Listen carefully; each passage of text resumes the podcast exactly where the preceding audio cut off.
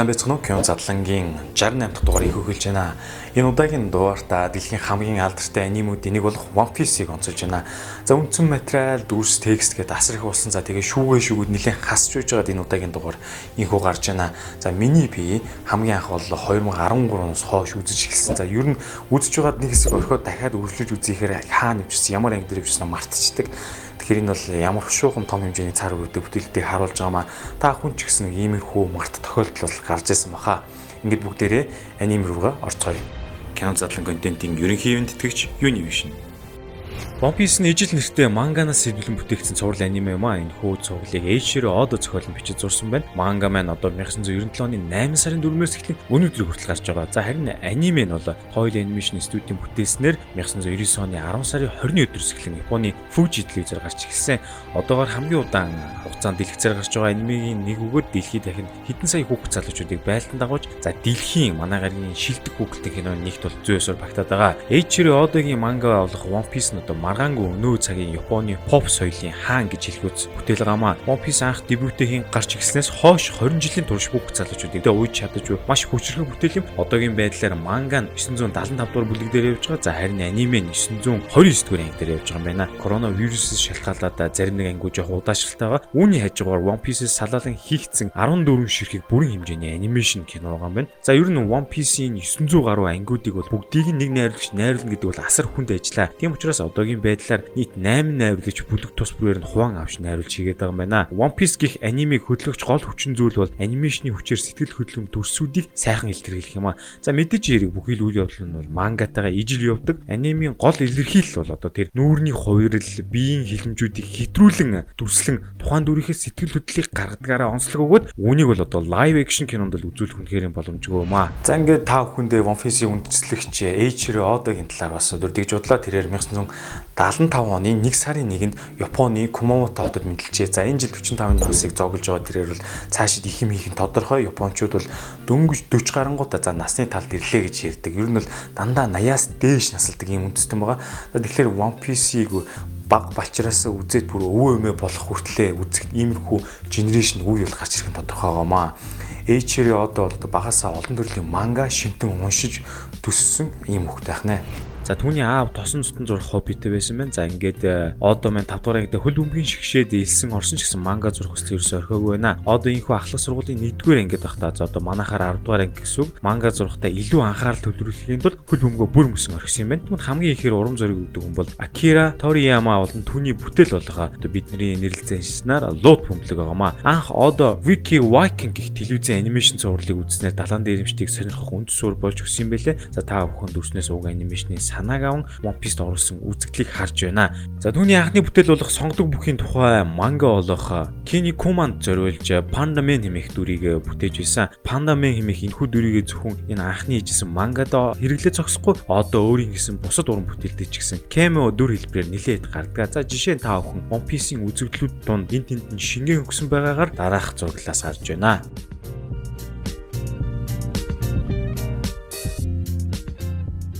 Одоо 17 настайд Wanted хэмээх 5 ширхэг богино хэмжээний манганаас бүрдэх нэг цогц бүтээлээ хэвлүүлсэн ба үүгээрээ хэд хэд шагнал хүртэл дэмжсэн юм бэ. Түүний карьер нийхүү 17 настайд эхэлсэн байна. Үүний дараагаар одоо Weekly Shonen Jump сэтгүүлд ажил орсон байна. Susan Police Gang хэмээх зурвал туслахаар ажил орсон байна. За үүний дараа тэрээр Jungle King мөн Tomodachi бүтээлүүдээр тус тус ажилласнаар тэр өөрийн зурх хэв маягаа олоход бол чухал нөлөө үзүүлсэн юм байна. За ингээд One Piece зохиол маань дуусах болоогүй гэвэ фэнүүд бид бүхэн мэднэ. Дүр сонголт 4 нүүр амлиултаараа баялаг сонирхолтой сэтгэл огшоом түүх тулаануудаараа бүх цаг үеийн хамгийн их борлуулалттай мангагаар шалгарж ирсэн бол 2014 онд л доо зөвхөн нэг зохиолчийн бүтээлд хамгийн олон хувь хэвлэгдсэн цувралаа шалгарч Генесийн номонд бичигдсэн байна. 1997 онд анх One Piece Man одоо Shonen Jump сэтгүүлд хэвлэж ирсэн бөгөөд Японы хамгийн алдартай манга төдийгүй бүх цаг үеийн хамгийн их борлуулалттай манга болсон билээ. 2011 оны 2 сард хэд нийтдээ 200 сая хувийг борлуулсан байна. За цаашлаад 2014 оны 12 сар хэд дэлхийд даяар 320 сая хувь хэвлэгдэн борлогдсон байна. За ингээд хамгийн эцсийн байдлаар буюу 2019 оны 3 сарын байдлаар нийтдээ 470 сая хувь хэвлэгдээд байгаа юм байна. Энэ бол асар өндөр тоо. За 597 дахь цуврал дээр зохиолч маань ингэж хэлсэн байдаг. One Piece-ийн хагас дуслаа гэж хэлжсэн. За тэгэхээр уг энийн бүрэн дуусахад бол 1200 цуврал хэрэгтэй байх нэ тооцоолол бол харин одоогийн байдлаар бол нийтдээ бол 80% таа очсон гэж хүмүүс бол ярьж байгаа. За тэгээд үргэлжлүүлэн бүгдээрээ түүний хувийн амьдралаас бас цохол сонирх юм. Одоогийн эцэгхийн талаар тийм их зүйл ер нь нэг байдгүй. За түүний ээж бол энгийн нэгэн гэрийн эцэгтэй байсан бөгөөд аав нь бол баазаргийн зургийн авьяастай хүн байжээ. Одоо 2002 онд Jump Fest Stage One Piece-ийн жүжигчилсэн тоглолтын үеэр Намигийн дүр тоглож исэн бүсгүй болох Jackie Inabata танилцж улмаар гэр бүл өнгөдгөө хоёр охины эцэг их болцгоос юм байна. За тэрээр бол их нууцлаг амьдэрдэг. Ямар сандаа телевизийн нэвтрүүлэлт орохдоо хүртэл царайг нь харуулахгүй байдлаар тохирч зөвхөн 10 орон гар зэрэг камерт харагдаж байгааг та хүн төрсөс харж байна. За ер нь бол түүний гэрэл зураг бол маш цөөхөн байдаг. Цөөн хэдэн тооны харцгаан гэрэл зургууд сошиалд дахин дахин ашиглагдсан энд тэнд явж харагддаг. One Piece-ийн 7 нөхдөдийн Shonen Jump нийтлэгдэхийн өмнө одоо давчин хугацаанд мангагаа зурдаг туршлага суусан бөгөөд нэгэн удаа тэрхүү давчин хугацаанд түүнийг орноосоо босож чадахгүй болтол сэтгэлээр унгаж байжээ. Үүндээ One Piece-ийг гарахаас өмнө түүний ажлын замд бол маш муу байсан бөгөөд түүний илгээж исэн бүтээлүүд нь цуслагдаж буцаагдж байсан. Удаа бол цөөнгүй байсан юм байна. Одоогийн найз манга зохиолчдын бүтээл нийтлэгдэж байхад түүний манга буцаагдсан тохиолдол гарсан бөгөөд тэрээр их сэтгэлээр унаж өөрийгөө зурх ямар ч яваасгүй юм нэ гэж бодож байсан удаатай ажээ. За энэ хүн хүнд цаг үед одоогийн хянагч редактор ингэж хэлсэн байдаг. Чам шиг хөдөлмөрч хүн хизээ нэгэн цагт амжилтанд хүрчил таараа гэж урмаар тэтгдэг байсны ачаар тэрхэн хүн цаг үеийг даван туулж энэ One Piece man одоо манга ертөнцийн шилдэг манга болсон билээ. Одоо One Piece-ийг гаргаж буй энэ олон жилийн хугацаанд хэд их ажилласнасаа болоод олон удаа эмнэлэг төрөгдөж байсан юм байна. Түүнд манганаасаа болоод ийшээ тийшээ аялах зугаалах цаг зав ерөөсөө гардаггүй юм байна. Одоогоос яагаад их нэртэй тантай гэрлийг зөвшөөрсөн бэ гэж асуухад тэрээр ингэж хариулсан. Миний завгүй байдлыг хүлээн зөвшөөрөг бол надтай гэрэлтэхгүйсэн шүү дээ гэж хариулсан байлээ. Ер нь бол анхандаа одоо бол жигнэсээ ийм цалинтай хүний ажил хийхийг хүсээгүй учраас манга зохиолч болсон гэж ярьдаг юм лээ. За тэгээд э, зохиолч одоо маань ажлын маш шахуу хуваарийн улмаас ихнэр хүүхдүүдээсээ тустай амьдардаг ба 7 хоногт нэг удаа л гэртээ очт юм байна. Ихэвчлэн амралтын өдрөл гэр бүлдээ цаг зарцуулдаг байна. 7 хоног бүр мангагаа гаргана гэдэг бол зохиолчийн эрүүл мэндэд хамгийн их хор нөлөө үзүүлдэг карьеруудын нэг юм аа.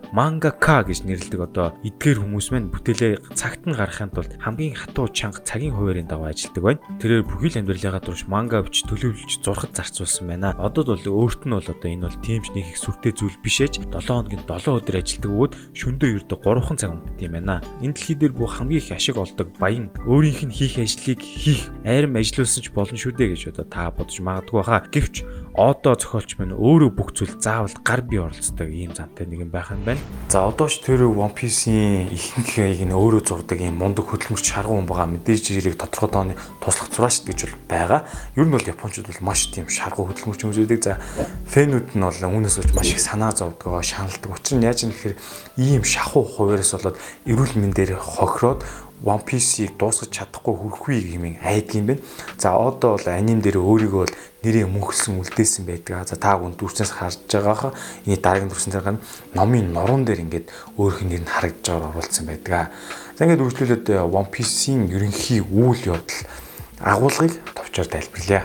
One Piece-ийн ертөнц бол зөвхөн энэ аниме зориулсан бүтээсэн ертөнцөө 900 жилийн тэртех өмнөх эртний хаант улс гэдэг маш ихээр цэцэглэн хөгжиж байсан нэгэн хаант улс байсан. Энэхүү хаант улс нь дэлхийн бүх газар нутаг хүн амыг нэгтгэж хязгааргүй эрхчлөө ноёрхлог тогтоохын тулд ди овогтнуудыг хүртэл захирах хүсэлтэй байжээ. Үүний зэрэгцээ энэхүү шийдвэрийг эсэргүүцсэн 20-од хаан байсан байна. Загсан хүмүүс, одоо чүүд, үлэмж биетүүд гэх тус бүрэн дэлхийг хяналтанд авахыг хүсч байсан ийм нөхдөд байжээ. За 100 жилийн дараагаар эртний хаант улс үгүй болж 20 хаан тусууд дэлхийг дангаар захирах хүслийн дор дэлхийн засгийн газрыг байгуулсан байна. Тэд өөрсдийн статусаа онцгой дээгүүр тавин хүссэн болгоно боолчилж хүнийг нохой адил захираа зогсохгүй хүссэн бүхнээ хөнөөдөг тийм их мэдлэлтэй болсон байна. Эдгээр хүмүүсийг луус гэж нэрлэдэг энэ талаар бас хойш дэлгэрэнгүй ярина. Дээр дүрцэн энэхүү 100 жилийн хугацаанд юу болсон бэ гэдгийг бол хинч мэдэхгүй бөгөөд энэхүү үеийг бол хоосон 100 жил гэж нэрлэдэг. Энэ үеийг бол дэлхийн засгийн газраас хэн нэгэн хизээж судлахыг хориглосон бөгөөд тодорхой хугацааны турш бүртгэл байхгүй байжээ. Одоо зохиолч маань ахлах сургуулийн сурагч байхдаа дэвтэр дээрээ далайн дээрэмчтэй манга бичдэг байсан. Одоо One Piece гэх анимуд болсон байдаг. Харин D үсэг бол түүний анхны зохиолын Down гэх үгтэй холбоотой гэж одоо хамгийн алдартай таамаглалуудын нэгэнд бол дурддагдсан байдаг. Өөр нэг таамаглал уу бас нэг онолд бол D гэдэг нь бол одоо үсэг биш харин дүрс гэж хэлсэн байт юм байна. Яагаад гэвэл дэлхийн бөмбөрцгийн тал хэлбэртэй адилхаж үздэг юм байна. Тэгээд энэхүү дүрс маань анимтэйгээ яаж холбогддог вэ гэхээр One Piece анимед бол хоёр томоохон бүлэглэлийн тухай гардаг одоо тус хоёр бүлэг маань дэлхийг хуаан захирч байгаа тухайгаар үзүүлдэг. За эрт дээр үед D гих бүлгэн байсан. За тэр нь дэлхийн засгийн газрын тусгай хайранд ялагдсан. За тэгээд үүнээс хойш засгийн газар нь D бүлгэмийн хамааралтай бүхий л материалуудыг бол түүхийн номноос арчиж хайсан бүр байхгүй болгосон гэсэн. За үүнийг бол одоо void century буюу харанхуй зун гэж нэрлэдэг юм байна. Харин Wano Ус-ийн өвөг дээдс буюу самурай нар босон үйл явдлын талаар эвдэрдгүү хэмхэрдгүү чулуу дээр сэлсэн байдаг. Энэхүү чулууг бол Poneglyph гэж нэрлэдэг. За тэгээд энэ чулуун дээр бичигдсэн зүйлсийг утгаар нь 3 ангилдаг байна. Нэгт нь бол түүхийн чулуу буюу харанхуй зууны тухай өгүүлдэг. За хоёрт нь зааварлах чулуу буюу түүхийн чулууны байршлуудыг зааварчилдаг. За гуравт нь замзаах чулуу буюу дөрвөн чулуунаас тогтох ба тус бүр нь өөр өөр газрын байршлыг илтгэдэг ийм чулуунууд байх нэ. За тэгээд саяын дүрцэн дөрвөн чулууны огтлолцол дээр Love Tail арал байдаг бөгөөд энэ арал дээр очиж чадвал далайн дээрэмчтэй хаан болно гэж үздэг юм байна. Poneglyph буюу одоо чулуун дээрх бичээсийг уншиж судалснаар харанхуй зууны талаар мэдэх боломжтой болохоор одоо дэлхийн засгийн газар уншиж чаддаг бүх хүмүүсийг устгасан байдаг. Хамгийн сүүлийн уншиж чаддаг хүн бол одоо Nico Robin буюу одоо Дэрсэн малгатын багийн нэгэн гишүүн мөлий. Ер нь бол D октнуудын бүлгэн байсан талаар бол бод мэдээлэл бол ерөөсөй байдгүй. 20 жилийн өмнө Goldie Roger хэмээх далайн дээрэмчин бүх Poneglyph-үүдийг орчуулж хоосон орон зай нууцыг нээсэн боловч тэрээр идэгшүү өвчнөр өвчсөн тул удалгүй насан эслэх болжээ. Тэгэд нас богисон учраас тэрээр эртний хаант улсын хүслийг биелүүлэх боломжгүй юу одоо цааш нь үйл явдлаа үргэлжлүүлэх замналгүй болж ирсэн гэсэн үг. Тийм учраас тэрээр тэнгисийн цэргүүд зориуд баригдаж цааз ял авсан байна. Ийхүү цааз ялыг гүйцэтгэхийн өмнө тэрээр One Piece хэмээн асар том домог эрдэнэс дэлхийд даяар тархсан байгаа гэж хэлснээр сая сая хүмүүсийг тэрхүү эрдэнсийг хайж олох буюу одоо далайн дээрэмчин болох замналт нь хөтлсөн. Энэ үйл явдлаас хойш буюу Luffy хэмээх үгийн адал явдлын талаар өгүүлж эхэлнэ. Тийм мөрөөдлөө биелүүлж далайн дээрэмчний хаан болохын тулд далайд ганцаар гардаг. Luffy сэлэмчин Roronoa Zoroтой найзууд болсноор тэд эдэнсийн ярилд гардаг. Мөн маш сайн чиглүүлэгч хулгайч Nami, мэрэгэн бууч худалч Усоп бөгөмсөг тогооч Winsmoke Sanji нарыг багтаа элсүүлэн East Blue-гээс Going Merry хөлгөр далаад гарan аялдгаа. One Piece-ийн ертөнцийг дэлхий гэж бодвол одоо нэг иймэрхүү глобус байдлаар харагдах нь байна. Харин дэлгэмэл газрын зургийн байдлаар харъягвал ингэж харагдах нэ дүүрснээс та бүхэн харж байна. За ингээд Дэрсэн малгатын багийн адал явдал цааш үргэлжлэн тэд замдаа бөмбөр арлаас эмч хүн төрхтэй цаа буг Тони Тони Чоппертой танилцсан хамтрагч болдог. За мөн Braco Works-ийн гишүүн археологч Rope-ыг багтаа элсүүлдэг. За ингээд Дэрсэн малгатын багийн сайхан Water 7 хотод ирдэг өгөөд энэ үед өөрсдийн хөлөг Going Merry-г бол засуулах зорилготой байдаг. Энэ үед одоо Cyborg Frankie одоо тэднийг дээрэмдгээр үйл явдал өрнөдгөө Luffy-гийн багийн хөлөг онгоц болох Going Merry мэн дахин далайд гарч чадахгүй болсон учраас Frankie тэдэнд шинэ хөлөг болох 1000 Sun-ыг бүтээж өгдөгөө. Энэ үеэс хойш Frankie тэдэнтэй нэгдсэн. За их олон хүнийг үйлүүлдэг хэсэг бол удаан хугацаанд гэр орон болж байсан Going Merry хэмээх хөлгийг сүүлчийн замд нүддэг хэсэг байдаг. За Goimer буюу Luffy-гийн багийн анхны хөлөг онгоцыг бол оршуулыг зурж байхдаа зохиогч Eiichiro Oda маань одоо өөрөө хүртэл уйлж байсан тухай юм баримтууд юм байна. Сайн хөлөг онгоц бол сүнсэнд бий гэж далайн дээрэмжид үзэж ярилцдаг байсан юм түүх байт юм байна. Далаа тэгсээр аялгчдын хувьд э, хөлөг нь бол амин чухал зүйлс юм аа. Шилдэг далайн дээрэмжид бусдынхаа хөлгийг эзэнгүй устгах зэрэг бусармаг зүйл ерөөсөө хийдгүй байсан. Одоо хөлөг онгоцыг хэрхэн хүндэтгэж байсныг эндээс харж байна. Хөлөг онгоцны сүнс нь хөвчлэн жаахан хүүхдээр харагддаг гэж олон хүн ярьсан байдаг. One Piece-ийн хувьд бол бас яг энэ үзэгдэл гардаг. Хөлгөн тэднийг аварч байхдаа бүр тэдэнтэй ярилцдаг үзэгдлийг та бүхэн харнаа. Зүгээр нэг хөлгөн онгоц гэх зүйлийг амттай олгож биднийг уйлуулж чадсан маш агуу гой зохиолоо. За ингээд Франки дээр зогсон үйл явдалтай иргэн орой тэрсэн малгатын баг хөгжимчин арга ясан Брук тусалдгаа. За тэрээр амьлуулдаг чөтгөрийн жимс идсэн бол боловч сүнсэн түүнийг бүтэн жил хайсны олдгоо гэвч тэр нь бол зөвхөн арга яс уйлсан байдаг. За бас Брук бол сүудэр алдсан нэгэн гэж яригддаг. Үүний дараагаар тэрээр тэрсэн малгатын багт нэгтэж хамтдаа цаашаа хилд гардаг. Ер нь бол Люфигийн багийн гишүүдэд бол маш их мөнгөн шагнал амсан байдаг. Дэлхийн засгийн газраас далайн дээрэмчин гэмт хэрэгтнүүдийг барихын тулд тэднийг барьж ирсэн хүнд мөнгөн шагнал амладаг. За ингээд үргэлжлүүлээд бүгдээрээ хамгийн өндөр шагналтай хүмүүсийн зарлал буюу одоо энэ пострыг мөнгөнүүдийн хамт сүүлийн үеийн байдлаар шинжлэгдсэн байдлаар харцгаая. Анхандаа бол мөнгөн дүн бага байдаг гэдэг анимигийн үйл явдал донд улам өссөөр байгааг та бүхэн ажиглана.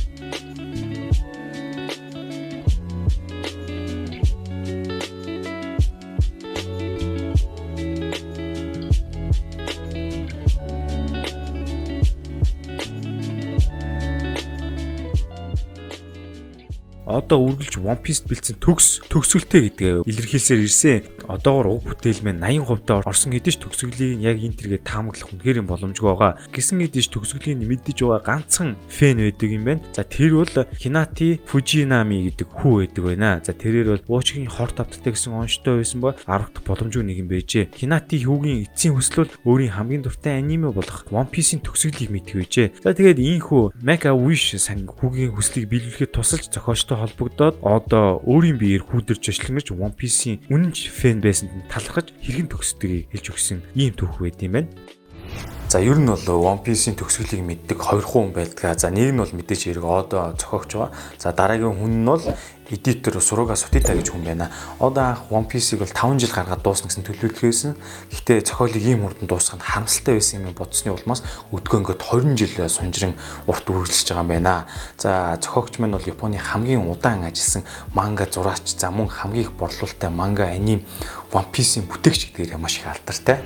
За One Piece-ийн хэвлэл мэдээллийн франчайз нь жилд 21 саяас 26 сая ам долларын орлого олдог. Энэ бол бас томоохон мөнгөн дүн. За One Piece аниме гарч ирсний 20 жилийн ойгоо 2019 онд тэмдэглэсэн. Үүний дага манга бол одоо 2025 оноос 2026 онд дуусаж магадгүй гэсэн таамаглал байгаамаа. Мэдээж л одоо бүх аркууд сонирхолтой байдаг гэвч огт алгасч болохгүй арк гэвэл G8 арк буюу 196-аас 206 дугаар ангийг хэлж байгаамаа. Арк гэдэг нь юу гэсэн үг вэ хоорондоо уялдаа холбоо бүхий хэсэг бүлэг ангиудыг ингэж нэрлэж байгаа юм. За ингэж үргэлжлүүлээд бүгдээрээ One Piece-ийн ертөнцид гардаг элемент э, эд юмсийн талаараа бас бяцхан ойлголт авцгаая. Ер нь бол сонирхолтой эзүүс нилээдгүй байдаг. Тэдний жишээг бол дэндэн мөший байна. Яг л одоо бидний энэ гар утас шиг хэрэглэгдэг. За мөн Viver card гэж байдаг. За энэ бол хүний хумснаас авч бүтээдэг бөгөөд тухайн байгаа чиглэл болон биеийн амьд болон хүсээсийг харуулдаг юм байна. Ер нь бол баг GPS шиг идгэж болно. За үүнээс гадна Belly гэж бэлэн мөнгөний хэрэгсэл байдаг. Энэ бол One Piece ертөнцийн мөнгөний гол нэгж юм аа. Энд голдуу цаасан хэлбэрээр дүрслэгдэг бөгөөд зоос ч гэсэн адил байдаг. Belly имэх мөнгө нь огт утгаргаагаар байдаггүй. За ингээд э, чөтгөрийн жимс гэж юу болох талаар тайлбарлая. Чөтгөрийн жимс бол э, жимсний нэгэн төрөл бөгөөд одоо эцэг хүн ямар нэгэн тусгай чадвартай болдгоо. Ийхүү уг э, чөтгөрийн жимсийг бол 3 ангилдаг. За 100 төрлийн жимс хэрэглэгч нь бол бүрэн ба бүрэн бусаар онцгой амьтны дүрд хувирдаг. Зарим 100 жимс хэрэглэгч нь бодит бус амьтан болж чаддаг. За үүний дараагийн жимсний төрөл бол логия жимс байна. Энэ жимсийг хэрэглэсэн хүн нь өөрийн биеэр байгалийн ямар нэгэн хүчийг эзэмших эрхтэй болдог. Одоо бас биеэрээ юу ч нэгт гаргадаг ийм чадвартай болд юм байна. За ингээд сүүлийн 3 дахь жимс бол Paramecia гэдэг жимс байна. Үүнийг хэрэглэсэн бол маш их хэмжээний супер хүчтэй болд юм байна. За ер нь бол чөтгөрийн жимсний хүчийг хэрэглэгч нь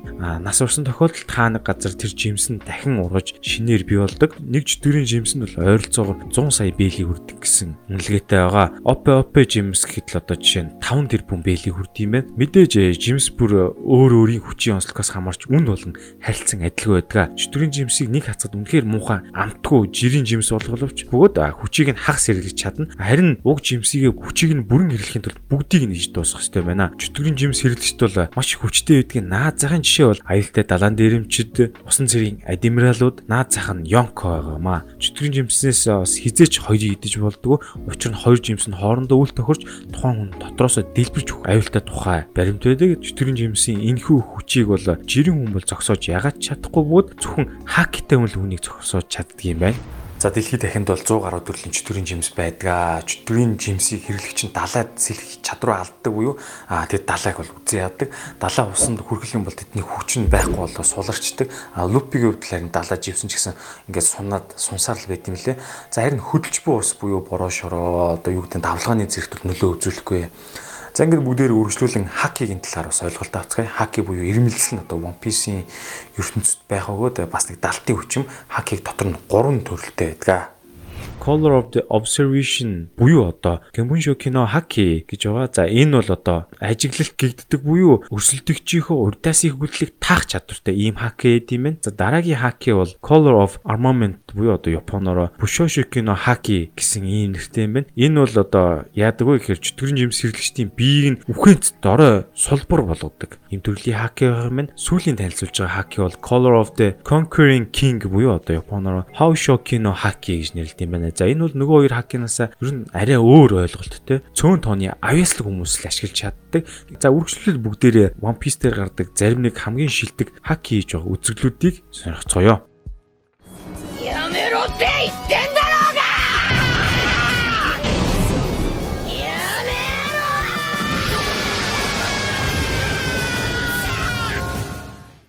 Та бүхэндээ One Piece-ийн гол дүрүүдийг нэр танилцуулъя. Уг анимегийн гайхалтай зүйлс гэвэл дүр болгоны өнгөрсөн түүх бол уйлуулдаг явдлаагамаа. Баялаг түүхтэй гэсэн. Санжигийн өнгөрсөн түүх бол маш харгас хэрцгий байсан. Тара Фолгорийн түүх бол мөн адил аимшигтай. Чоприйн түүх бол дэндүү гунигтай. Сэтгэл өвтгөм. The Flamingo-гийн түүх бол бас сонирхолтой. Сэтгэл уйдмаар тийм түүх байдаг. Luffy-гийн түүх ч гэсэн яг үнтэй адилхан мөн дүр болгоны өнгөрсөн түүхтэд хэрхэн яаж өнөө хүртэл хичнээн хол замыг туулж олон зүйлсийг үтсэн талаар иргэн өгүүлгээ. Энэ бол одоо манга анимиг бол бас урт тулгадаг. Люфигийн багийн гишүүн болгон ямар нэгэн зоригтой байдаг. Тэдний хүсэл тэмүүлэл багийн ахлагчтайгаа ижлэхэн биш гэлээч гэсэн зарим талаараа адил тул тэрнийг даган нэгэн талбан дээр хамтдаа явдаг. Нами шилдэг чиглүүлэгч болоод дэлхийн газрын зургийг зурхыг хүсдэг байхад Чоппер бол шилдэг эмч болохыг хүсдэг. Санжи бол All Blue-г олох мөрөөдөлтэй. За Зоро бол дэлхийн шилдэг сэлэмчин болохыг хүсдэг гэх мэт эдгээрээс гадна бусад туслах дүр ч гэсэн ямарваа нэгэн байдлаар өөрсдийн гэсэн даалгавар зоригтойгоор уг манга аниме дээр бол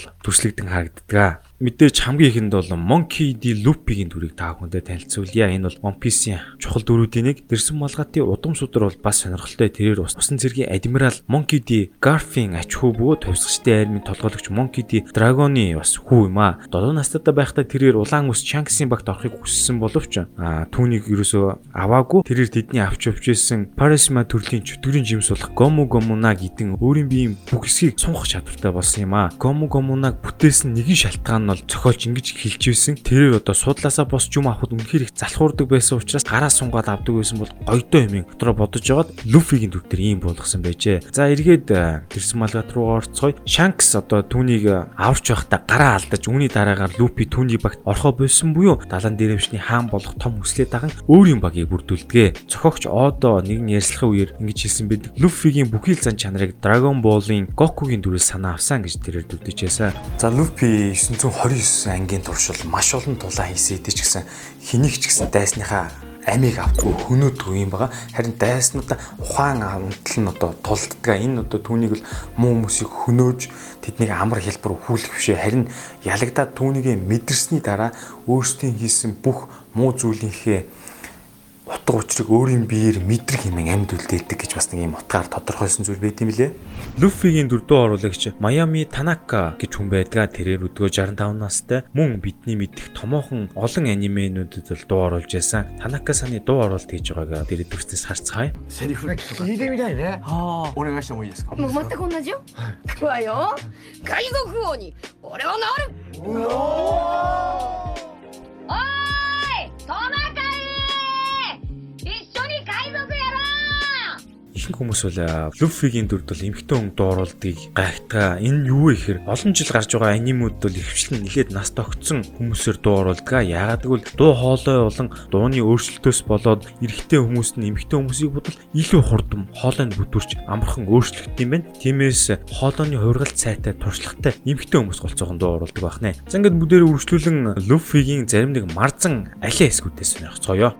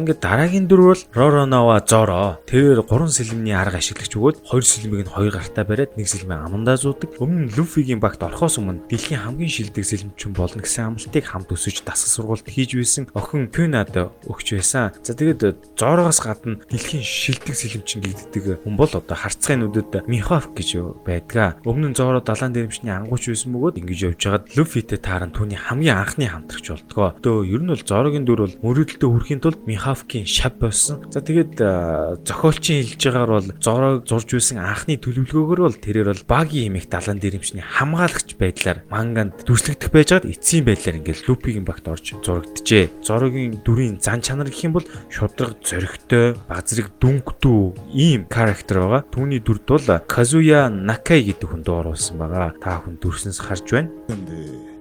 出て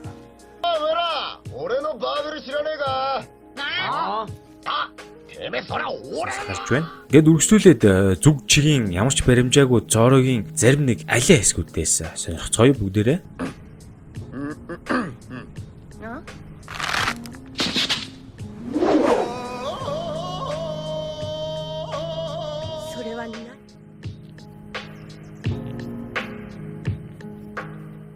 Амага.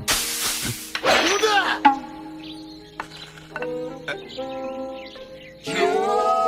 誰がやるか。こっち撃ってんじゃねえ。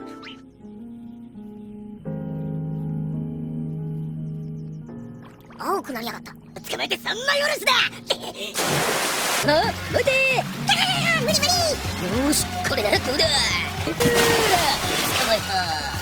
もう離さないぞ За ингээд та бүхэнд үргэлжлүүлээд Намигийн дүрийг танилцуулъя. Түүний түүх бол бас Эдрэтэй Нами болон түүний эгч Ножиког хоёрыг авраг хамгаалахын тулд тэдний өргөж авсан ээж нь загсан хүн болох Арлонгд хороогддгоо. За Намигийн төрсөн нутаг болох Кококайши тосгоныг бол Арлонгийн дээрэмчд эдэлсэн бөгөөд түүнийг хуурай ахичуулан тосгоныхыг нь эрхшээлтэд оруулаад байсан. За улмаар дэрсэн малгайт Лупи одоо тус аралд ирснээр Нами тусалж түүнийг өөрийн багийн чиглүүлэгч болгодгоо. За Намигийн хүсэл мөрөөдөл бол бүгд дэлхийн газар зүрийг зурх байгаамаа. Ганц гимн гэвэл үзэсгэлэнтэй бүсг юм байна. Хулгай хийх зуршилтай бөгөөд цаг агаарыг маш сайн тааварладаг ийм эрдэмтэй. Лупи загсан хүн Арлонгийг ялсны дараа Нами өөрийн мөрөөдлөө дагаж Лупигийн багт элсдэгэ. Түүнийг бол одоо хулгайч Муур гэх нэрээр нь олон хүмүүс мэддэг. Нэмжлэхэд One Piece-ийн анхны ноорог төлөвлөгөөгөр бол Нами мэн авраг том сүхбэрэнд тулдаж байх байсан байна. За гисэн ч одоо эцсийн албан ёсны хувилбарт бол энэ сүх хасагджээ. За тэгээд э, түүний дүрд бол бол Ками Окомура гэх хүн дууруулдаг. Та бүхэн дүрснээс харж байна. Стампидо дай хитто. За дэрсэн малгатын баг бол хинт дийлдэхэргүй хүчрэх нөхдүүд байдгаа. Гэвч тэдний ганцлах нь навсайтлан цод чаддаг. За тэр бол багийн чиглүүлэгч газрын зургийн уншигч Нами юулээ. Ингээд бүгдээрээ Нами зодулсан хохирогчдыг дүрснээс харцгаая. Ёотэ тагатэ нэрани кодомо ижимэтэ но ё. Нэ чигэв. Дэва いじめてんのよではこれ定かだ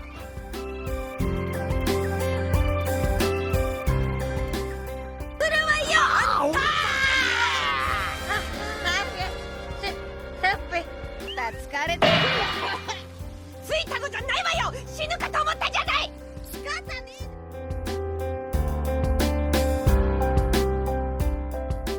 バカ声がでかいだから何よあんたの声の方がでかいわよ дараагийн дүр бол Усоп. Бага байхад нь түүний аав Ясап нь одоо улаан үст Шанксын далайн дэрэмчний багт ажиллахаар явсан байдаг. За тэгээд Усопын ээж хүн дээр өвцнөөс болоод Усоп эцгийгээ эргэж ирнэ хэмээн худлаа ярих болсон. Ээж нь таалт өгсний дараа ч гэсэн эцэг нь эргэж ирэхгүй байна гэдэгт итгэдэг. За Усоп нь бол тэрсэн малгатын багийн хамгийн аймгай гэд хэлсдэг ийм байгаа. За тэрээр бол шаардлагатай үед бол багийн гишүүдийн өмнөөс амиа өгч бэлэн байдаг нэгэн. За түүнийг сироп гэх нэгэн жижиг тосгонд Кай амиг охинд одоо өөрийн хурамч баадарлаг түүхийг ярьж амьддаг ийм байсан байгаа. Тэрсэн малгатын бүрлдэж буй тухайн үеийн багт нь Каягийн туслах хэмээх нэгэн эрх мань Мэрийг их хөлөг онгоцыг бэлгэлснээр Усоп далайн дэрэмчин болж өөрийн гэсэн баатарлаг түүхийг бүтээж эхэлдэг үлээ. Түүний мөрөөдөл нь одоо зоригт далайн дэрэмчин болох. За тэрээр зохион бүтээх, зураач, засварчин ба дээр нь маш хурдан гүйдгээр нь бид бол маш сайн мэднэ. Түүний мэрэгэн буучийн авьяас бол тоглоом биш гэдгийг 322 дугаар ангиас бол тод омроо харнаа. За бас Усоп маань хакки ашиглаж сурдаг. Түүнийг олзолж ирэх шагналын мөнгө амлсан зардал дээр Усоп биш мэрэгэн буучдын хаан гэх нэр өгдөг бөгөөд тэрээр бол одоо маск зүүсэн байдалтайгаар уг постэр дээр дүрслэгтэн гардаг. Усоп өөрийгөө бурхан Усоп гэж нэрлэдэг бөгөөд ер нь дэлхийн засгийн газраас одоо болтол Усоп гэж хэн мэдгийг бол тодорхой мэддэггүй явж байгаа. За түүний дүрд бол дуу оруулагч KPI Ямагучи ажилласан. Та хүн хэрхэн дуу оруулж байгааг дүрснээс харж байна. 8000人の部下たちよ今日楽しみにしてたぞ楽しんでってくれよな Мөн өгшлүүлэн зарим нэгэн Усопын хөгжилтэй дүрсүүдийг харъя.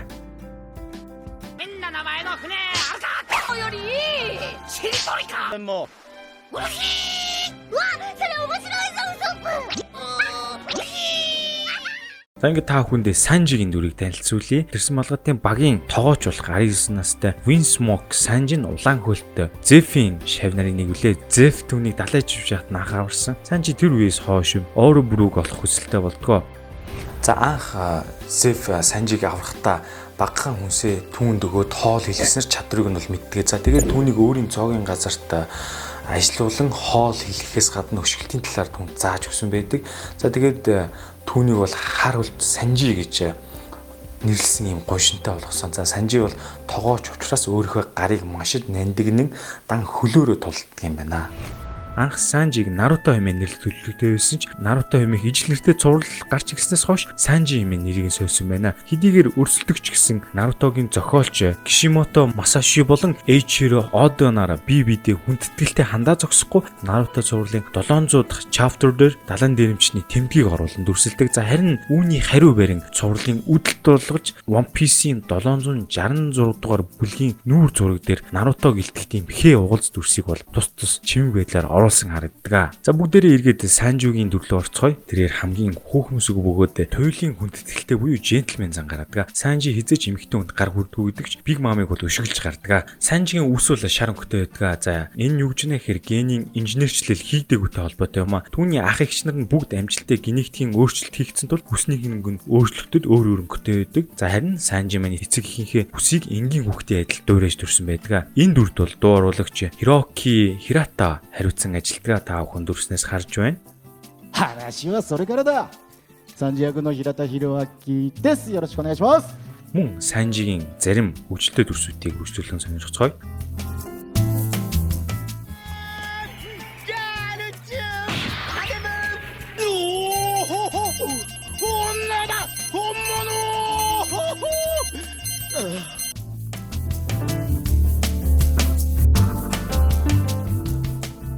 なかったのか？えー、っとな海軍来る。俺たち船逃げる。わかるか？わかるか？ドワー絶世の美女どこだ？美女！美女 За ингээд дараагийн дүр бол Chopper юм аа. За тэрээр бол цорын ганц жимс болох Hito Hito Nomi гэдсэн цаа буг юм аа. Тэр бол эмч болохын тулд өвлийн арлаас ирсэн бөгөөд Grand Line-ийн бүс нутаг төрсэн их дүүхэн амтаа. Түүний мөрөөдөл бол одоо бүх өвчин эмчлэх чадaltaй. Тэгээ эмч болох бөгөөд энэ мөрөөдлөө биелүүлэхийн тулд дэлхийд даяар аялахыг хүсдэг. Chopper нь багийн гишүүдийн 6 дахь гишүүн бөгөөд бас мөн хамгийн бага юм байна. За бидний өхөрдөн харах туфтай бяцхан цаа буг маань хэд бол анх альбиусны хөлбөр болохоос өмнө сэлэм үүрсэн юм бодиттой бухт нэлээд төстэйгөр ингэж зурагдчихсэн гэлээ. За тэгээд зохиогч хэлсэн байдаг. Хэрвээ би төлөвж байснараа түүнийг хийж гисэн бол хинч түүнийг тоож онцгой байдлыг нь харахгүй байсан. Аа тиймдээ жижигхэн тийм өхөөрдөн болгосон гэж одоо бол нэг удаа хэлсэн байлээ. За ингээд бүгдээрээ Чоплин дүрдөө оруулсан Ikue Otonag харж байна дүрснээс. Oh my god. Дарега! Иша! А, 俺だ。За ингээд э, Нико Робны дүрийг та бүхэнд танилцуулъя. Тэрээр бол чөтгөрийн хүүхэд нэрээр алдартай бөгөөд тэрсэн малгатын багийн археологч юм уу. Тэрээр West Blood байрладаг э, Охора арлын амьд үлдсэн цорын ганц хүн бөгөөд э, за Нико Робин бол одоо phonography-г уншиж чаддаг бөгөөд дэлхийн зах засгийн газраас одоо хамгийн хойноос хөөцөлдөж ирлхийлж байгаа ийм далайн дээрэмчин гэгдэж байгаа. Зан чанарын хувьд бол шудраг нууцлаг бөгөөд бусдыг үл тоодог зантаагаараа аниме дээрээ дүрслэгддэг. Түүний дүрд бол дуу оруулагч Юроки Ямагучи ажилласан. 命をかける価値がある。セーフルール。За ингээд э, дараагийн дүр болгоо Франкийг та бүхэндээ танилцуулъя. Хамгийн анх Water 7 гэх газарт Luffy Franky хоёр тулдаг бөгөөд хоорондоо бооцоо тавьдаг. За тэгээд ийхүү Luffy ялж Franky түнд Sunny Go гэх хөлөг онгоцыг хийж өгдөг. Энэ хугацаанд Franky дэрсэн малатын багийнхантай ижил таслуулж дотн нөхөрлөдөг. Түүний мөрөөдөл бол э, Тэнгис далайн төгсгөл хүртэл аялж чадах тийм хөлөг онгоц бүтээх бөгөөд өөрийн хүсэл чадвараараа бүтээсэн хөлгөөрөө дэрсэн малгатын багт нэгтэн цааш нь аялд гардаг. Мөн тэрээр бас Cyborg болдог бөгөөд бөгөөд түүний дүрд дуу оруулагч Казуки Яо ажилдгаа та хүндүрснээс харж байна. ス Стампидо хитөө сасарзэ. Ёрошгүй. За ингээд ирсэн малгатын бас нэгэн гишүүн болох хөгжимчин Брукийг та бүхэнд танилцуулъя. Тэрээр бол Luffy-гийн багийн хамгийн хачирхалтай гишүүдийн нэгэ. Ирсэн малгатын багийн аял эхлэхээс өмнө далайн тэнгисээр аялж байсан бөгөөд түүний өмнөх амьдрал буюу өмнөх баг нь бус далайн дээрэмчд ялагдсанаар хөлөг онгоц дээр ганцаараа үлдсэн. За тэгээд тэрээр Yom Yomi Nomi гих өгсөн хүний эргүүлийн амьдралд өчтөрийн жимс идсэн. За зан чанарын хувьд гэх юм бол нэгэн хөөхөмсөд гэсэн мөртлөө хөгжим тоглож халуун цай авах дуртай нарийнч зантай ийм характер байна. За та бүхэн дүрснээс дуу оруулагчийг нь хэрхэн ажиллаа хийж байгааг харж байна.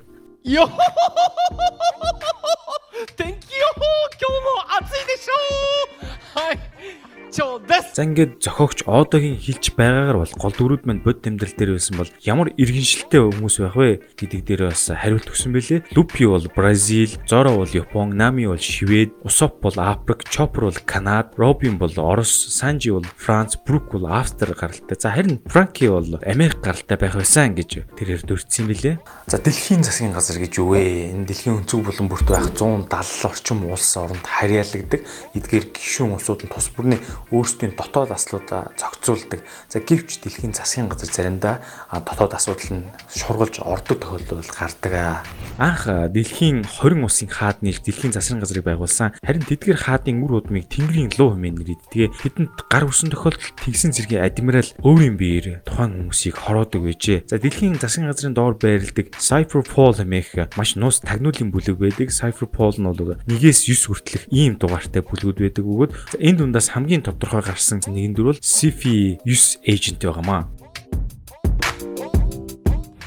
За Тэнгисийн зэрэг за Impel Down, Enes Lobby зэрэг газрууд болон за нэмээд Cyberpol одоо нууц тагнуулын бүлэг хүртэл дэлхийн засгийн газарт хайрлагддаг. Дэлхийн засгийн газрын үүрэг нь юу гэхээр улсуудыг далайн дээрэмчтээс хамгаалах. За мөн тэгээд Тэнгэрийн луунуудын аюулгүй байдлыг хангахад оршд юм байна. Дэлхийн засгийн газрыг бол нэг 5 хөгшин удирддаг. Энэ 5 мэн одоо яг ямар учиртай болох нь одоо хүртэл мэдэгдэг байгаа. Нууц бичээсийг уншиж чаддаг. Охоор арал дээр амьдардаг хүмүүсийг устгаж. За тэгээд Тэнгэрийн луунуудаас хүртэл илүү зэрэг зэндатай гихддэг хүмүүс байгаамаа. Тэд бол дээд гаралтай эсвэл маш их хүчтэй. Эсвэл одоо хүртэл тодорхой болоогүй бөгөөд одоо далан дээрэмчин Шанкс хүртэл байл энэ таван хөгшнөөс айж имиж харьцаж байгаа аним дээрээ дүрслэгдэгэ. За тэгээд дэлхийн засгийн газрын төв байрвал Марижод байршилдаг та бүхэн харж байна. За нэгэнт дэлхийн засгийн газрыг ярьсан чинь үргэлжлүүлээд Тэнгисийн цэргийн удирдлага буюу боссуудыг та бүхэнтэй танилцуулъя. Саказуки Акайни бол одоо Тэнгисийн цэргийн флотын адмирал Маринфордод цагаан сахалтын Чэжийг хоёр удаа нөхөлж AC-г хөнөөсөн ийм айхтар хүчтэй нөхөр байх нэ. Marine Ford-д болсон дайны дараа Sengoku албан тушаалаа Aojoki Kuzan өгөхөд Akaino Shidori-г нь үл тоож эсэргүүцэж тулаан зарлж исэн ийм адгуу нөхөр байна. Дараагийн тэгсэн цэргийн адмирал бол одоо Kizaru байна. За тэрээр бол одоо Marine Ford-д Marco Jozo хоёрт бол энэ тэнцүү тулдаж чадсан бөгөөд тулааны дараа хэдэн хоногийн турш бас цэргийн флотын адмиралын албан тушаалд байсан. Дараагийн тэгсэн цэргийн адмирал бол Fujitoro байгаамаа. За тэрээр бол хорвоогийн муу буухайг харахгүй гэж өөрийн нүдийг сохолсон нэгэн байгаамаа. Люфигийн өвөө болох Тэнгисийн цэргийн дэд адмирал буюу Monkey D. Garp-ыг та бүхэндээ танилцуулж байна. Тэрээр бол тэнгэрийн луунуудыг үзен яддаг. Тийм учраас адмирал цолноос бол байнга татгалздаг буюу дэд адмирал цолтой явдаг. Хэрвээ адмирал болох юм бол тэнгэрийн луунуудын боол буюу тэдний одоо хэлснийг л хийдэг ийм нөхөр болно гэж үздэг учраас ингэж яг дээд цолноос бол байнгын татгалзаастай явд юм байна. За тэгээд түүний удирдлагад ор Copy, Helmepo хоёр бол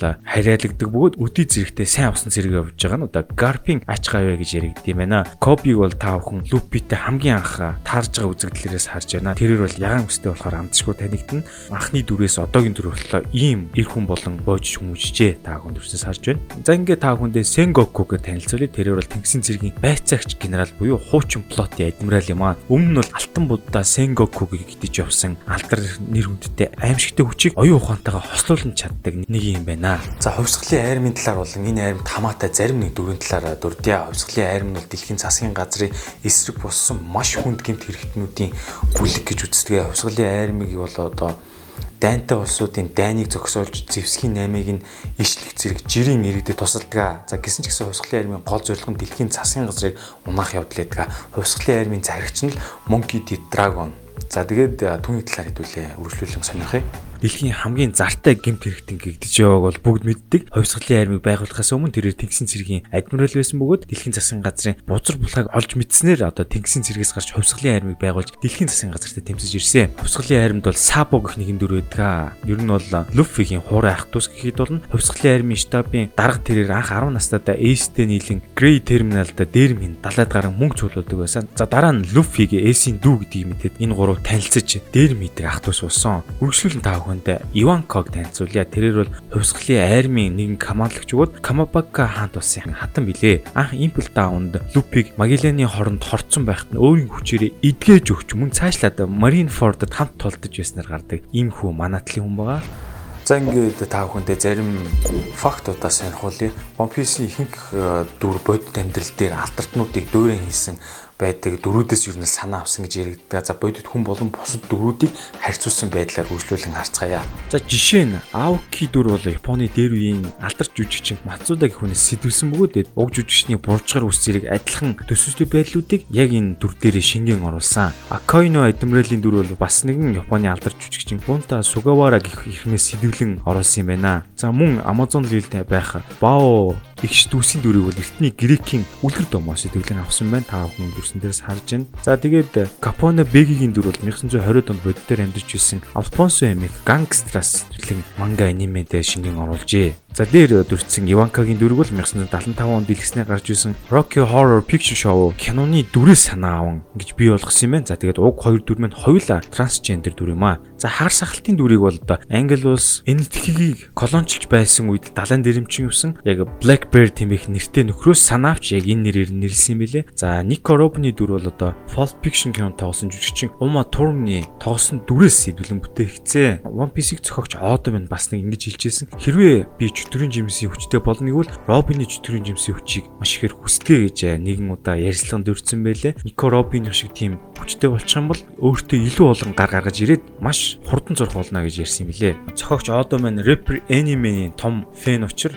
God Inil-ийн дүрийг бол Rapper-тэй төстэй байдлаар бүтээсэн. Гэвч бас зарим талаараа Японы аянгийн бурхан Reiji-ний эд зүйлсээс оруулан хольж гаргасан гэж бас ярьсан юм билээ. За нэмж хэлэхэд Luffy болон Ace-ийн бага насны ах Sabo-гийн дүр бол одоо Английн зохиолч Charles Dickens-ийн бүтээл болох Oliver Twist зохиол дээр гардаг дүр бол Dodge-ийн малгай хүрмийг бол яг тэр чигээр нь өмсөн байдлаар манга аним дээрээ дүрслэгдэг. За энэ мэтчлэн маш олон дүрүүд энэ тэндээс сэдвчлэн оруулсан байдгаа та бүхэн зурагнаас харж байна. Нэг үрслэн яриг бол бас маш их урт болно. One Piece-тэй холбоотой зарим баримтуудыг өөрчлөлтөнд өрдцгаая. Luffy, Ace, Garp гурав бол байнгын нойрмоглож өдрийн турш ившээж явдаг. За энэ бол одоо бод амьдрал дээр үүдэг нарколопси хэмээх мэдрэлийн гүн ойрон давтдаг юм эмгэг өвчин байдаг юм байна. Үүнээс сэдвлэн бас хөө бүтээлдээ оруулсан гэхэд болно. Ер нь бол Luffy маань унтаж байхдаа ч гэсэн идэж байдаг. Одоо зохиогч Odo маань найруулагч Tim Burton, Quentin Tarantino нарын фэн бөгөөд зусрын өмнөх үдш кинон дээр гардаг дөрүүдийг трейлер барк бүлэг дээрээ нилээд оруулсан. Мөн үүн дээр гардаг зомбинуудыг бол дуучин Michael Jackson-ы трейлер клипнээс санаа авч оруулсан юм лээ. Edward Newgate буюу цагаан сахалт далайн дээрэмчин маань чэйжн дээр маш олон шарх соригтой байдаг. Нуруунд дээрээ бол нэг ширхэг сориггүй гардаг. Энэ юу хэлж яана гэхээр тэрээр хизээч тулаан дээр бууж өгөөгөн дээр нэг ч удаа тулааныг орхиж явж байгаагүй гэсэн үйлчлэг нэлгэлдэг аж. За Edward Newgate-ийн овог нь бол Лондонд байрлах Newgate шорон дээр үндэслэн бүтээгдсэн бөгөөд уг шорон олон удаа сэргээдэн ажиллагдсан бөгөөд өд тэмдэл дээр 1188 оноос 1902 оны хүртэл 700 жилийн турш ажилласан ийм шорон. Энэ шоронгийн одоо нэрээр бол цагаан сахалтын овгийн өгсөн байна. One Piece-ийн бүтээлдмээр байна. Нэг нүдний хаалт бол ерөөсөө гардгүй. Нэг нүдний хаалт нь далайн дэрэмчтэй ерөнхийдөө бэлэг тэмдэг болсон байдаг. Гэсэн ч цувралын төгсгөлт нүдний хаалт хэрэг болно хэмээн зохиолч маань нэгэн ярьслахын үеэр бас дурдсан байдаг юм байна. За тэгвэл зохиолын төгсгөл хүртэлч төхөгч бас нэлийн мэдгүй байна да. One Piece-ийн анх Америк нэгдсэн улсуудад гаргах зорилгоор 4 Kids Entertainment бол худалдаж авсан бөгөөд олон нийтэд цацгаанд бол зарим нэг өөрчлөлтүүдийг хийсэн байна. За энэ юу вэ гэхээр одоо жишээ гар буу, тамхи, цус нүж гэх мэт зүйлсүүдийг бүрсүүлэн эсвэл оронд нь ямар нэгэн зүйлс орлуулан хийсэн байдаг. Тамхины оронд ичтэйч гэх юм уу гимчлэн юм зүйлүүд байдаг. За ингээд 4 Kids Entertainment Ахмад Smokery гэж гарахтаа нэрийг нь Ахмад Chaser болон өөрчилсөн. Яагаад гэвэл Америк нэгдсэн хуулинд зааснаар бол одоо тамхиг харуулахын тулд дасан зохицож зарим нэг өөрчлөлтүүдийг оруулсан байна. One Piece дээр суурилсан сэдвчилсэн паркууд бол байдаг. Түүнийг бол та бүхэн Токио хотын One Piece цамхаг гэж нэрлэг төв дээр очиж үзэж болно. Мөн Токио хотын Shibuya хэмээх маш хөл хөдөлгөөнтэй дүүрэгт оршдог One Piece-ийн дэлгүр тодорхойг бүгдээрээ дүүрсэнс харж байна. Энд бол одоо маш олон зүйлийн бүтээгдэхүүнийг зааж борлуулж байна.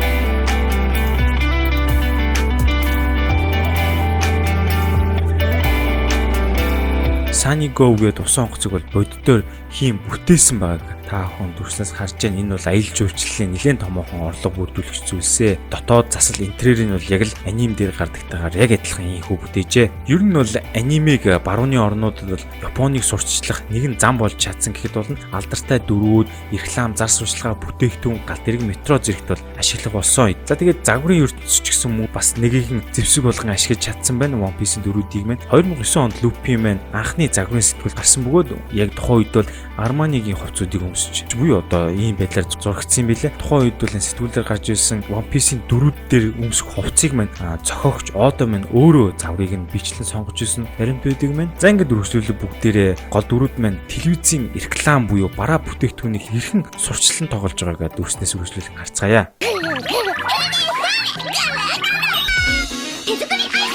かき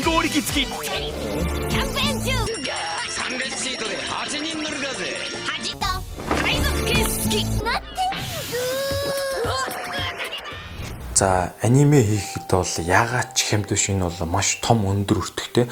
Тухайн энэ салбарын үнцэн за дуу хоолойны мэрэгжлийн ажиллах хүч нэмэгдсэнтэй холбоотойгоор Японы аниме бол одоо өөрөө нэг урлагийн хэлбэр мөртээр л оршин тогтнож байна. За энэ аниме үйлдвэрлэхэд яг ямар үнцэнтэй байдгийг гэсэн асуудал мэдээж хэрэг гарч ирнэ. Юуны өмнө зардал мөнгөний урслын талаар ойлголттой болохын тулд одоо аниме үйлдвэрлэхэд оролцогч талуудын тухай мэдэх хэрэгтэй байгаамаа. За нэгт нь буюу нэвтрүүлэгч тал орно. Энэ бол одоо телевизийг хэлж байгаа. Хоёрт нь ивент итгэгч буюу санхүүжүүлэгч спонсорууд орж байгаа маа. Гуравт нь үйлдвэрлэлийн компани буюу студийг хэлж байгаа. За дөрөвт нь бол зар сурчлагын агентлаг буюу борлуулагч их ийм дөрвөн үндсэн зүйл дээр уг аним үйлдвэрлэлийн процесс мань эргэлдэж байгаамаа. За тэгээд 2002 онд Fuji телевизээр Ням гарагийн оройны 19 цаг буюу одоо хүмүүсийн өндөр үзэлттэй цагаар One Piece-ийн 30 минутын дугаарыг бүтэн 1 сарын турш цацхад ойролцоогоор 90 сая йений өртөгтэй болж байсан. Энэ бол одоо 1 секундын үнэлэмжээрээ тооцогдсон гэсэн. Fuji телевизийн үнэлгээ бол бас өндөр байсан байгаа. Энэ 90 сая йен маань одоо монголоор бол 2 тэрбум гаруй төгрөг байгаамаа. Toei Animation студ маань нэг ангийг гаргахад тус бүрнээ 10 сая гаруй йен буюу төгрөгөөр 280 гаруй сая төгрөгийн төсвийг батлуулан үүн дотроо зардлаа багтаан ажилт юм байна. Том зах зээл гэхэд бол энэ бол байж болох ч одоо тоо өртдөг юм байна. Toei Animation студ маань уламжлалт гар аргаар бүтээлээ хийдэг байж байгаад 2002 оноос эхлэн бүрэн дижитал холбогд үе дэлгэцэн дээр зурж хийдэг энэхүү арга барилд шилжин бүтээлүүдэд төрөж эхэлжээ.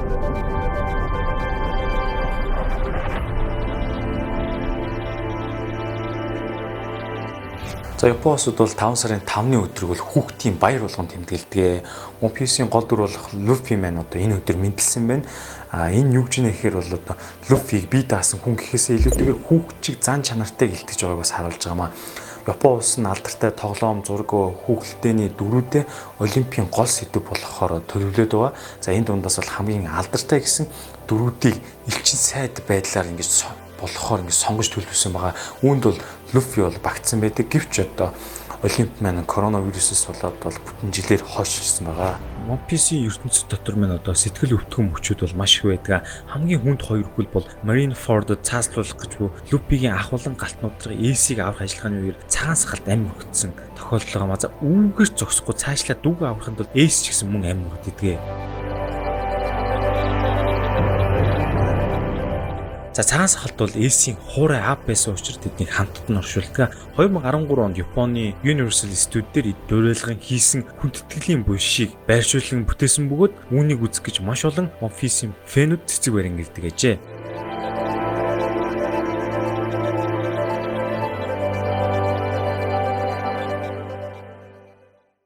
Үргэлжлүүлээд Portgas DS-ийн тухай бас цус дэлгэрүүлэн дурдъя. Luffy-гийн хуурай ах тэрээр далан дэрэмчний хаан Goldie Roger-ийн цорын ганц хүү юм байна. Түүнийг төрөх үед нь эцэг нь цааслагдсан бөгөөд Roger өхийн өмнө түүнийг Luffy-гийн өвөө Monkey D. Gaff захин үлдээдэг. За тэгээд түүнийг баг байхад нь хүмүүс бүгд эцэг буюу Roger-ыг нь муу хэлдэг байсан бөгөөд Ace-т бол таагүй ханддаг байсан. Ace Luffy хоёр багаас л далан дэрэмчин болох хүсэлтэй байлаа. Гэвч өвөө болох Monkey D. Gaff нь усан цэрэг байсан тул тэдний санааг Ace эсэргүүцэж хизээ нэгэн өдөр хүчтэй ус усан цэрэг болгоно юм юм. Бэлтгэсэн ч гэсэн тэд зөрүүдэлсэн хэврэл байдаг байсан. За тэгээд Эсл гинт дунтаж их хитдэг байсан ч гэсэн Люфиг бодвол эргцүүлэн бодох чадвар сайтай нэг юм байсан. За тэгээд Эсмен одоо New World гэдэг шинэ ертөнцид нэвтрэн хамгийн хүчрэг далан дэрэмчин цагаан сахалтай тулдахаар явдаг. Гэвч түүнийг дийлээгүй харин цагаан сахалт түүнийг өөрийн багтаа нэгтгээгэрч хүүгээ болгохыг хүсдэг. Энэ хүү цагаан сахалт багийнхаа бүх гişүүдийг төрсөн хүү шигэ хайрлж хүү шигэ үздэг юм байна. Эс ингээд цагаан сахалтын далан дэрэмчдийн игнэнд орж 2 дугаар салааны захирагч бол болдгоо. Эс цагаан сахалтыг дурдсан юм чинь мөн давхгүйр галчуу Маркогийн талаар дурдахгүй гэж болохгүй лээ. Марко мөн зон төрлийн чөтгөрийн жимсийн хэрэглэгч өгөөд цагаан сахалтын 1-р дивизийн командлагч юм байна. Марко бол одоо One Piece цувралын хамгийн хүчтэй дөрүүдийн нэг өгөөд Marineford-д болсон дайны үеэр усан цэргүүдийн адмирал болох Kizaru Aojuki Akaino нартай бол ижил төвшөнд маш сайн чадварлагаар тулдаж байсныг бол бид бүхэнгээс хардгаа. За бид бүхэн энэхүү аниме цувралуудыг одоо яагаад үзэх хэрэгтэй вэ? Үүнд бол мэдээж ирэх шалтгаан хэрэгтэй. За One Piece-ийн зохиогч маань одоо өөрөө сонгодог түүх нэлээд дуртай юм хүн байна. Тиймээс одоо уг аниме дээр гарч байгаа түүхэн дэлхийн дурсгалт барилга байгууламждаг бол хамгийн сайнаар харуулж чадсан аним байгаамаа гэж нэрлэгцээ. За ингээд та бүхэндээ жишээ болгон заримыг нь дурдъя. Алабаста бол эртний Египтийн архитектурыг бол харуулсан байдаг. Мөн Тэнгисийн зэргийн шорон Impel Down бол 14-р зууны үеийн Яваажин хошин шог зохиол дээр гардаг Данте Алигерийн дүрсэлсэн тамийн 9 тойргийг хүчтэй тусгасан байдлаар бол яг харуулдаг. Хоригдлуудын үйлцэн гэмт хэргийн байдал дээр үндэслэн янз бүрийн эрүүдэн шүүх шийтгэлэг дүрсэлсэн байдал нь бол яг энэ Impel Down дээр буулгасан. Watcher 7 бол Италийн Венец хотыг бол тов тодорхой дүрслэн харуулсан гэдэг нь ойлгомжтой харагддаг. Цаашлаад Dressrosa гэхэд бол Испани уран барилгын хийцийг шингийн харуулдаг. Гэх мэтэр үүнээс гадна маш олон барилга байгууламж, газар орныг бол санаа авч сэтвчлэн One Piece дээр оруулсан байдаг.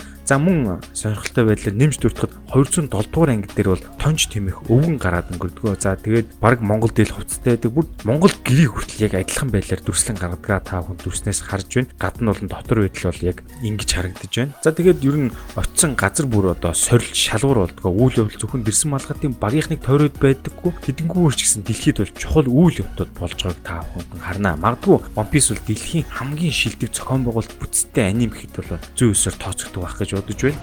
За туслах дүрүүдийн хамаарал энэ дээр бол нэлээд чухал байгаа. One Piece бол гол баатар эсрэг дүр туслах дүр байсан ч мартагддаггүйгээр ийм сайхан төгөөг үлдээ 900 анги хүртэл одоо гол дүрүүдээс гадна огтгож мартагдаагүй байгаа дүрүүд бол нэлээд хэд байдаг. Жишээ нь одоо Flamingo байна хэдий өөрийнх нь арга дууссан ч гэсэн түүний хамааралтай чухал сэдвүүд бол одоо болтол байсаар байгаа. За алиэлагч багийн ч гэсэн мөн эргэн тойронд бол байсаар байгаа. Gecko, Morio, Rob Lucci гэх бусад сонирхолтой дүрүүд бас оршин байсаар л байна. Цохогч одоо бол туслах дүрүүдийг гол дүрүүдээс илүү анхаарал татвал маш сайн дүрслэн гаргаж өгсөн байдаг. За ингээд үргэлжлүүлээд хамгийн зөвүүн эсрэг дүрүүдийг та бүхэндээ сонирхуулж байна. Сайн эсрэг дөрүүдийн нэг бол Катакури юм а тэрэр бол маш ухаалгаар тулдаг дээд зэргийн тактиктэй Люфитэй тулдгаас өмнө л амьдралынхаа турш нэг ч удаа ялагдаж үзээгүй ийм сүрлэг дүр байх нь Big Mom-ийн дүр бол бас сүрдмээр ааштай дүрээ. А харин Кайдогийн дүр төрхийг бол Сумогийн их авраг Йокозунагаас санаа авсан гэж яригдсан юм билээ. За One Piece дээр бүсгүүчүүдийн дүрийг бол маш дурглаам төгс бие ха үзэсгэлэнтэйгээр дүрслэн харуулдаг. Олон хүний саналаар бол Luffy дурлсан Bow Hancock бол нэлээд дээгүүрч ягсдаг буюу төгс эмхтэн дүр гэж бас хэдэнтэй яригддаг. За ингээд Luffy мэн Amazon Lil тугаа хэсэг бол нэлээд хөвгөлтэй байсан. Та бүхэн харж байна. Японочууд эрэгтэй хүүхдийн төмсгийг алтан бөмбөг хэмээн өхөөрд нэрлэдэг ажээ. За тэрийг энэ хэсэг дээр бол тусгаж гаргаж харуулдаг. Амазоны бүсгүйчүүл бол Люфиг усанд оруулаад дараа нь шоронд хордог. За тэгээд Люфиг босоод ирсэн хойно нөгөө бүсгүйчүүдээр алтан бөмбөгнөөсөө өгөөч гуйдаг гэсэн Люфиг би үгүй нь болохгүй гэх мэтээр ярилцж байгаа хэсэг бол маш инээдтэйгээр харагддаг. Амазон Лилийн бүсгүйчүүд бол өмнө огт эргэтэн харж байгаагүй байдлаар дүрслэгдэг. За тэгснээ гин Люфигийн алтан бөмбөг маань одоо алтан шаргал өнгөөр гэрэлтэж энэ төр бас нэлийн хөвгөлтэй байдлаар гардаг. すごい男って金の玉を持って За ингээд бүгдээрээ үргэлжлүүлээд One Piece-ийн хөгжилтэй хэсгүүдээс сонирхцгоё.「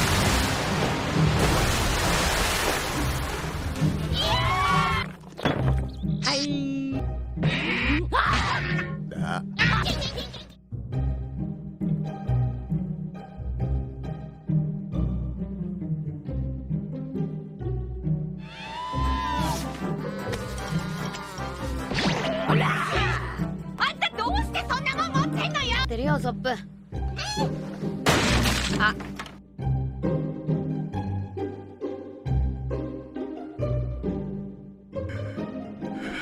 気のせいか。За ингээд та бүхэндээ бас чөтгөрийн жимсний хүчгүй мөртлөө маш хүчрхэг дөрүүдийг бас танилцуулъя. За үүнд бол Shanks бол зөөсөр багтан орноо маш сайн хак ашигладаг нэгэн байгаа. Хэдийгээр зүүн гаргууч гэсэн урт хугацааны туршид бэлтгэл хийж өөрийгөө улам сайн хүчрхжүүлсэн ийм дүр байгаа.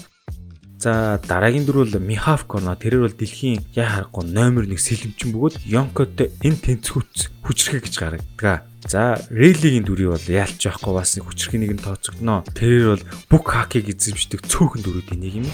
One Piece-ийн тулаан бол галзуу бас дахин давтчихгүй байдаг. Үнэхээр сайн тулааны тоглолттой байдаг. Энэ бол одоо зөвхөн хүчтэй хүчтэйг хийсрэг гэсэн ойлголт бол биш юм а. За жишээ нь чөтгөрийн жимс эцүүн бол ямар нэгэн байдлаар сул талтай болдог. За яг бод жишээн дээр хэлэх юм бол Luffy Enel-тэй тулдаг хэсэг байгаа. За энэ дээр бол Enel-ийн сул тал бол ирзэн юм байдаг. Харин тэгсэн чинь Luffy тэр чигтээ бол одоо ирзэн очир Enel-ийн сул талд нь болж байгаа маа. Ингэснээр тулаан илүү сонирхолтой болоод а Enel одоо ямар гарц олж одоо тулдааныг хөгжлүүлэхийг одоо харах нь бол их сонирхолтой байдаг гэсэн. Зөвхөн гол дүрмэн ч гэсэн дандаа их давмгой байгаад байдгүй. Тэгэхдээ энэ бол тулааныг бол маш олон анги бол сунжруулж гарахад бол нэлээд шалтгаан болдгоо. За тэгээд One Piece-ийн үзэгчид бол одоо энэ дээр гарч байгаа тулаануудыг хамгийн урт тулаан гэж ярьдаг. Гэхдээ яг үндэ бол анимийн түүхэнд хамгийн урт тулаан бол Dragon Ball-ийн Goku Frieza хоёрын тулаан юм аа. Ингээд бүгдээр хөгжлүүлээд One Piece-ийн одоогор мэдэгдэж байгаа хамгийн урт үргэлжлэсэн тулаануудыг сонирхцгоо. Эс болон Жимбэ нарын хоорондоо тулалдсан хугацаа бол 5 өдрөөр тоологдсон юм байна. Тасралтгүй энэ олон хоног тулалдахдаа энэ хоёрын хинж эцэж ядраагүй бөгөөд тулааны дараа тэд бие биенээ асар ихээр хүндэлдэг болсон байна.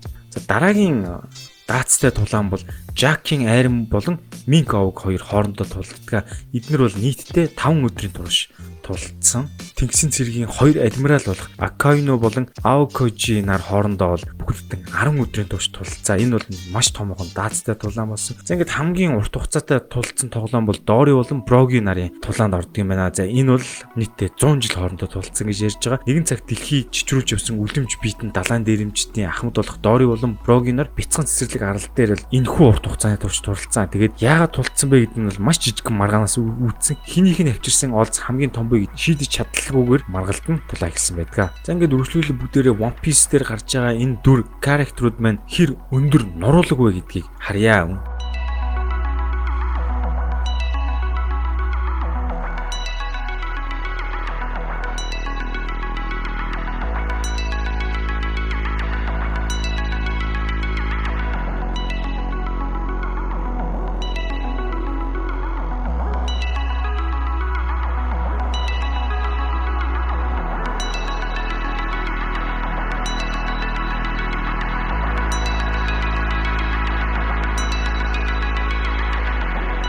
Piece бол маш олон тайлэгдаг нууц байдаг нь илүү шимтэн үзэх хөслийг төрүүлдэг. Хин гэдгийг нь ч таньж чадаагүй олон дөрүүдээс гадна 20 жилийн турш мэдээгүйрсэн олон зүйлс байдаг. За жишээлбэл бол Wheel of D гэдгийн талаар бол юу ч хараагүй энэ ямар хүн байдгийг ч мэддэхгүй байгаа. Хоосон 100 буюу алдагдсан 100 жил ямар учиртай One Piece гэж юу яг юу юм бэ? Yonko гэж ямар хүчтэй вэ? Хос чөтгөрийн жимсний чадвар гэх мэт маш олон зүйлийн асуултууд бол ара араасаа хүрэн байдаг. One Piece маань цаашдаа кино зурвал болж хувьсах уу гэдэг асуудал бол нэлээд яригдж байгаа. Netflix өөрийн Twitter хуудасаараа дамжуулан 2017 онд live action цуврал хийн гэж мэдгдсэн. За тэгээд харин 2020 оны 1 сарын 30-нд мөн Twitter дээр нэг юм жиргээ бичсэн байдаг. Энэ болохоор хүү кино болох ажил маш их цаг авч байна. Гэхдээ кино хийгдэх процесс явагцаар байгаа гэсэн мэдээлэл гарсан байдаг. Яач утсан аниме дээр гардаг тэрхүү дөрүүдийн нүүрний хуурал хэтрүүлсэн текстүүсэн биеийн хилэмжүүд бол яач утсан кинон дээр бол гүйцэж гарахгүй гэдэг нь ойлгомжтой. One Piece аниме нь одоогор Netflix дээр биш Hulu stream дээр бол байршиж байгаа. За гэхдээ энэ эх 6 сараас хойш Netflix дээр орохоор болсон бөгөөд мэдээж нэг дөр бүгдийг нь орохгүй. Эхний ээлжинд Alabasta-гийн arc буюу эхний 130 анги орно гэсэн мэдээлэлтэй байгаа юм байна. За эцэст нь One Piece бол анимашныг одоо ялангуяа Япон анимыг бол зөвхөн багчур үзэх ёстой гэсэн ойлголтыг бол эвдсэн бүтээл байгаа маа. Өдгөө бол 900 гаруй ангийн ард гарахтаа үзэгчдийнхээ сэтгэлийг хөдөлгсөн, өөлөөсөн, огшоосон, бичрүүлсэн гэд бүхий сэтгэл хөдлөлийн шинжийг гаргасан гайхалтай давтагдшгүй нэгэн бүтээл гэж үзэж байгаа.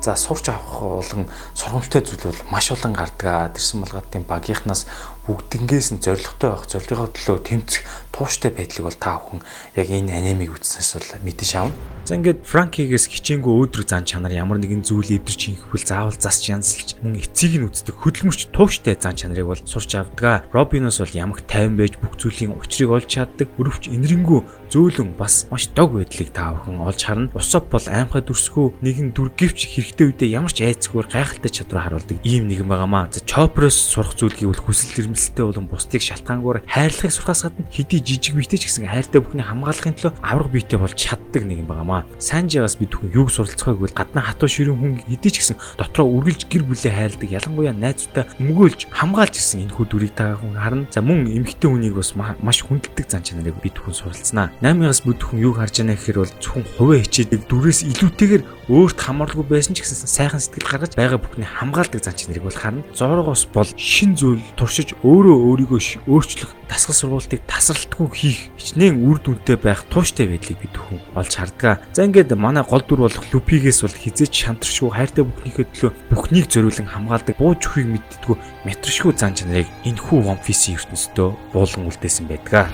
За ингээд дугаараа төгсөхийн өмнө нэг бяцхан giveaway зарлая гэж бодлоо. Энэ юу гэхээр дөнгөж саяхан ирсэн Luffy-гийн фигүр байна. За тэгэхээр энийг та хэрхэн оролцож яаж хожиж авах вэ гэхээр яг энэ доор гарч байгаа кино задлан гэсэн хаяг байгаа. Энэ хаяг руу ороод хамгийн сүүлд нь орсон зурган дээр комент үлдээн. Ерөөсө шаардлага бол маш энгийн а таныг одоо 5 найзаа меншн хийж гэдэг юм уу стори оруулж гэдэг юм тийм бол байхгүй нэг хоёр хаяг байгаа тайлбарын сайн уншаарай тэр хоёр хаягийг дагаад тэгээд кино задланг үзчихсэн дугааруудаараа комент үлдээл болоо за тэгээд 7 хоногийн дараа лайваар инстаграм дээр яг энэ аккаунтн дээр нь кино задлан гэсэн аккаунтн дээр нь лайв явуулаад аздангаа шалгуулад үүнийг гардуул өгнө за тэгээд та бүхэнд оролцоорой гэж хүсье үнэхээр юм One Piece-ийг үздэг хүмүүс бол оролцох хаа За ингээд ийхүү энэхүү дугаарыг бэлтгэхэд гар бие оролцсон анууч танд бол маш их баярлалаа. Ингээд энэ түрээд кино задлангийн 68 дахь дугаар төгсөж байна. Дараагийн дугаар хүртлээр түр баяртай. Хэрв таалагдсан бол найзуудтай шеэр хийгээрэй, subscribe дараарай. Баяртай.